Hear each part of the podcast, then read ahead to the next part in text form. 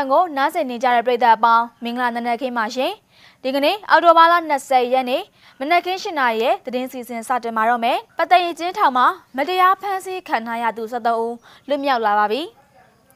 စီဒီအန်ဆီယာဝင်တွေကိုရှုတ်ချပွဲဥဆောင်လုပ်ခဲ့တဲ့ကမ်ဘလူမျိုးကတထောက်ခံသူတနက်နဲ့ပြစ်ခံလိုက်ရပါတယ်ကော့ဂရိတ်ရွာတက်မှာစစ်ကောင်စီတပ်ဖွဲ့ဝင်တွေစခန်းချပြီးတော့ရွာသား90လောက်ကိုရွာပြင်ပေးမထွက်ပဲနေပါတယ်။ ဒီသတင်းတွေပါဝင်တခြားစိတ်ဝင်စားဖွယ်ကောင်းတဲ့သတင်းတွေကိုတင်ဆက်ပြီးတော့မှာပါပထမဆုံးသတင်းကိုတော့ AR တိုင်းကသတင်းနဲ့စကြပါတယ်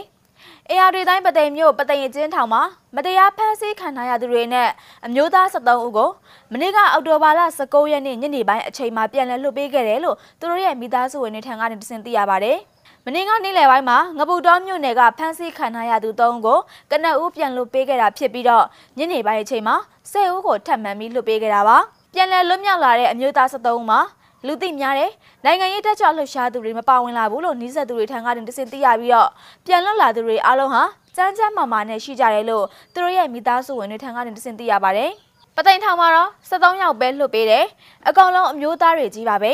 နေ့လယ်ပိုင်းကငပူတော်မျိုးက3ယောက်ကိုလွှတ်ပေးပြီးတော့ညနေပိုင်းမှာ10ယောက်ထပ်လွှတ်ပေးတာပါအဲ့ဒီ73ယောက်ထဲမှာ905ကကြီးနဲ့တရားစွဲခံထားရသူ၄ယောက်လောက်ပဲပါတယ်လို့လည်းကြားတယ်ဆိုပြီးတော့မိသားစုဝင်တဦးကပြောကြားခဲ့တာပါပြန်လည်လွတ်မြောက်လာသူတွေထဲမှာသတင်းမီဒီယာသမားတွေနဲ့လူသိများတဲ့နိုင်ငံရေးတက်ကြွလှုပ်ရှားသူတွေပါဝင်လာခြင်းမရှိသေးဘူးလို့စုံစမ်းသိရှိရပါတယ်။မ နေ့ကအောက်တိုဘာလ19ရက်နေ့မှာအေယာဝတီတိုင်းတွင်းမှာရှိတဲ့အကျဉ်းထောင်အလုံးမှာဖမ်းဆီးခံထားရတဲ့နိုင်ငံရေးအကျဉ်းသား209ဦးကိုအနာသိန်းဆက်ကောင်စီကပြန်လွှတ်ပေးခဲ့တယ်လို့ပသိမ်အကျဉ်းထောင်ဝန်ထမ်းတဦးကပြန်လွတ်လာသူတွေရဲ့မိသားစုဝင်တွေကိုပြောပြတဲ့အကြောင်းအဲ့ဒီမိသားစုဝင်တွေထံကနေတစင်သိရပါတယ်။နောက်ထပ်သတင်းတစ်ပုဒ်အနေနဲ့စီရီယန်ဆရာဝန်တွေကိုရှုတ်ချပွဲဥဆောင်လုပ်ခဲ့တဲ့ကမ်ဘလူမျိုးကတတ်ထောက်ခံသူတနက်နဲ့ပြစ်ခံခဲ့ရတဲ့သတင်းကိုတင်ဆက်ပေးပါမယ်။ စကိုင်းတိုင်းကပ်ဘလူမြို့မှာစီရီယန်ဆရာဝန်တွေရှုတ်ချပွဲကိုဥဆောင်ခဲ့တဲ့စစ်တပ်အမာခံထောက်ခံသူပြည်ထောင်စုကြံ့ခိုင်ရေးနဲ့ဖွံ့ဖြိုးရေးပါတီဝင်ဦးအောင်သူထွန်းကိုအော်တိုဘာလ18ရက်နေ့ညနေပိုင်းကပြစ်ခတ်ခဲ့ကြောင်းကမ်ဘလူအနာဂွန်ဝါရီယာစ်အဖွဲ့ကမနေ့ကအော်တိုဘာလ19ရက်နေ့မှာသတင်းထုတ်ပြန်လိုက်ပါတယ်ကမ်ဘလူမြို့ အမတ်တရက်ကွက်မှာနေထိုင်တဲ့စစ်ကောင်စီသတင်းပေးတလန်ဆိုသူဦးအောင်သူထွန်းကိုသူတသေးရောက်နေကြရွှေစီကြီးဖျားနီမှာတနက်နဲ့ဝင်ရောက်ပစ်ခတ်ခဲ့ရမှာသူဟာရရှိထားတဲ့တနက်ဒဏ်ရာနဲ့အနီးမှာရှိတဲ့မြို့မရဲစခန်းထဲကိုဝင်ပြေးသွားတယ်လို့သိရတာပါလောလောဆယ်သိရတဲ့လောက်ကတော့မသေးသေးဘူးလို့သိရတယ်ပုံနေတာဒဏ်ရာအခြေအနေတွေဘာတွေလဲစုံစမ်းလို့မရသေးပါဘူးပြစ်တဲ့သူကလည်းလူတွေရှိတဲ့ကြားမှာဝင်ပြစ်ရတာဖြစ်ပြီးတော့ရဲစခန်းထဲကလည်းတော်တော်နီးနေတော့ပြေးခဲ့ရတာ ဟိုကလည်းထိထိချင်းတန်ပြေတော့ဘဲကိုထိခက်လည်းမပြောနိုင်ဘူးဖြစ်နေတာလို့သူကမျက်စိမှကိုပြောကြားခဲ့တာပါ။ဦးအောင်သူထွန်းဟာအကြမ်းမဖက်အာဏာဖီဆန်ရေးလှုပ်ရှားမှုစီရီယံပြုလုပ်ခဲ့တဲ့ဆရာဝန်တွေကိုရှုတ်ချတဲ့ပွဲကိုပြီးခဲ့တဲ့မတ်လတရက်နေ့ကကမ်ဘလူဂဒင်တရားဆေးရုံရှိမှာဥဆောင်ပြုလုပ်ခဲ့သူဖြစ်ပါတယ်။နောက်ထပ်သတင်းသဘောကတော့ကရင်ပြည်နယ်ကသတင်းမှာကရင်ပြည်နယ်ကော့ဂရိတ်မြို့နယ်ရွာသစ်ကျေးရွာမှာ အကြမ်းဖက်စစ်ကောင်စီတပ်ဖွဲ့ဝင်တွေစခန်းချနေပြီးတော့ရွာသား90ခန့်ကိုရွာပြင်ကိုပေးမထွက်ဘဲနဲ့ထိမ့်သိမ်းထားကြောင်းသတင်းရရှိပါရတယ်။ရွာအိမ်နှလုံးရဲ့ဈေးဆိုင်တဆိုင်ရဲ့မိရှို့ခံရတယ်။ရွာရဲကြံခဲ့တဲ့လူ90လောက်ကိုဘဲမှပေးမထွက်ဘဲနဲ့သူတို့ကနေအိမ်တွေထဲမှာလူခွဲပြီးစခန်းထိုင်ထားတယ်။တိုက်ပွဲရှောင်သွားတဲ့မိသားစု90လောက်ကတချမ်းရွာကဖုံကြီးကျောင်းမှာရှောင်နေကြရတယ်လို့တပ်မဟာ6နေမြေ KNL တပ်ဖွဲ့နဲ့နှီးစပ်တဲ့သတင်းရင်းမြစ်ကနေတစင်သိရပါဗျ။အော်တိုဘာလ18ရက်နေ့မှာ ကော့ဂရိတ်မြို့နယ်အတွင်းမှာရှိတဲ့ရွာသစ်မြို့ဟာမိဂသိန်ကျေးရွာတွေဘက်ကိုထိုးစစ်ဆင်လာတဲ့စစ်ကောင်စီတပ်စကစ73လက်အောက်ခံခလာရ231ခမရ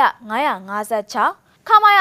960စစ်ကြောင်းကို KNL တပ်ဖွဲ့ဝင်တွေကပြစ်ခတ်တိုက်ခိုက်ခဲ့တာဖြစ်ပြီးတော့စစ်ကြောင်းမှုအပါအဝင်9ဦးသေဆုံးခဲ့က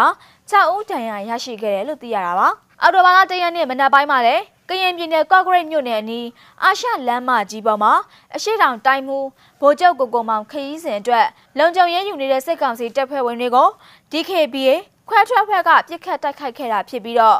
G1 ဒုတိယဗိုလ်ကြီးကျော်စွာမျိုးအပါဝင်အဲ့ဒီဒေသအတွင်းကစစ်ကောင်စီရဲ့ထိုးစစ်ဆင်တိုက်ခိုက်မှုတွေကိုကရင်တော်လှန်ရေးတပ်ဖွဲ့တွေကခုခံတိုက်ခိုက်လျက်ရှိနေတာပါနောက်ဆုံးသတင်းတစ်ပုဒ်အနေနဲ့ မဟာအောင်မြေကြောက်မြက်ရောင်းဝယ်ရေးစခန်းမှာပောက်ကွဲမှုဖြစ်ခဲ့တဲ့အကြောင်းကိုတင်ဆက်ပေးပါမယ်မန္တလေးမြို့မဟာအောင်မြေကြောက်မြက်ရောင်းဝယ်ရေးစခန်းမှာမနေ့ကအောက်တိုဘာလ19ရက်နေ့မနက်ပိုင်းကပောက်ကွဲမှုဖြစ်ခဲ့ပြီးတော့စခန်းပိတ်စစ်ဆေးတာတွေပြုလုပ်နေတယ်လို့ကြောက်စိမ့်ကုန်သည်တွေကပြောခဲ့တာပါ။အောင်ကနဲ့တစ်ချက်ကြားရပြီးရဲ့နောက်မှာပြေးကြရတာပါပဲ။တနက်တန်နှစ်ချက်ပြစ်ဒဏ်လဲကြားခဲ့ရတယ်။အတွင်းဝိုင်းနဲ့အယောင်းဝယ်လှုပ်သူတချို့လဲထွက်ပြေးကြရတာ။အခုကဝီချက်လှုပ်သူတွေပဲအတွင်းနဲ့ပိတ်မိနေတာ။အခု ဝိုင်းကတကားတွေပိတ်ပြီးစစ်ဆေးနေတယ်လို့ကြောက်စိမ့်ကုန်သည်တအုပ်ကပြောခဲ့ပါတယ်။ပောက်ကွဲမှုမှာမဟာအောင်မြေကြောက်မြက်ရောင်းဝယ်ရေးစခန်းရဲ့အနောက်မြောက်ဘက်ခြမ်းတန့်စင်ကန်အနီးဝန်းကျင်ဖြစ်ပြီးတော့မနက်7:00နာရီဝန်းကျင်မှာဖြစ်ပွားခဲ့တာဖြစ်ပါတယ်။ဖောက်ခွဲပစ်ခတ်ခဲ့လို့ထိခိုက်ဒဏ်ရာရသူမရှိဘူးလို့လည်းကြောက်စိမ့်ကုန်တယ်တွေကဆိုပါတယ်။ဖောက်ခွဲမှုဖြစ်ပြီးတော့ကြောက်မြက်ရောင်းဝယ်ရေးစခန်းထဲမှာဝေးချက်နဲ့အယောင်းဝယ်လုပ်သူတွေဟာနိုင်ပိုင်းကြော်တဲ့အထိအပြင်ထွက်ခွင့်မရဘဲနဲ့စစ်ကောင်စီဘက်ကစစ်ဆေးမှုတွေဆောင်ရွက်နေတယ်လို့လည်းသိရတာပါ။ အော်တိုဘာလ20ရက်နေ့မနက်ခင်း7:00နာရီထိနောက်ဆုံးရရှိထားတဲ့သတင်းတွေကိုတင်ဆက်ပေးခဲ့တာပါ။နားဆင်ပေးခဲ့တဲ့အတွက်ကျေးဇူးတင်ပါတယ်။အားလုံးပဲကျမ်းမာပျော်ရွှင်တဲ့သတင်းကြိုအချိန်ခါတမယလေးကိုပိုင်ဆိုင်ကြပါစေလို့ဆုတောင်းပေးလိုက်ပါတယ်ရှင်။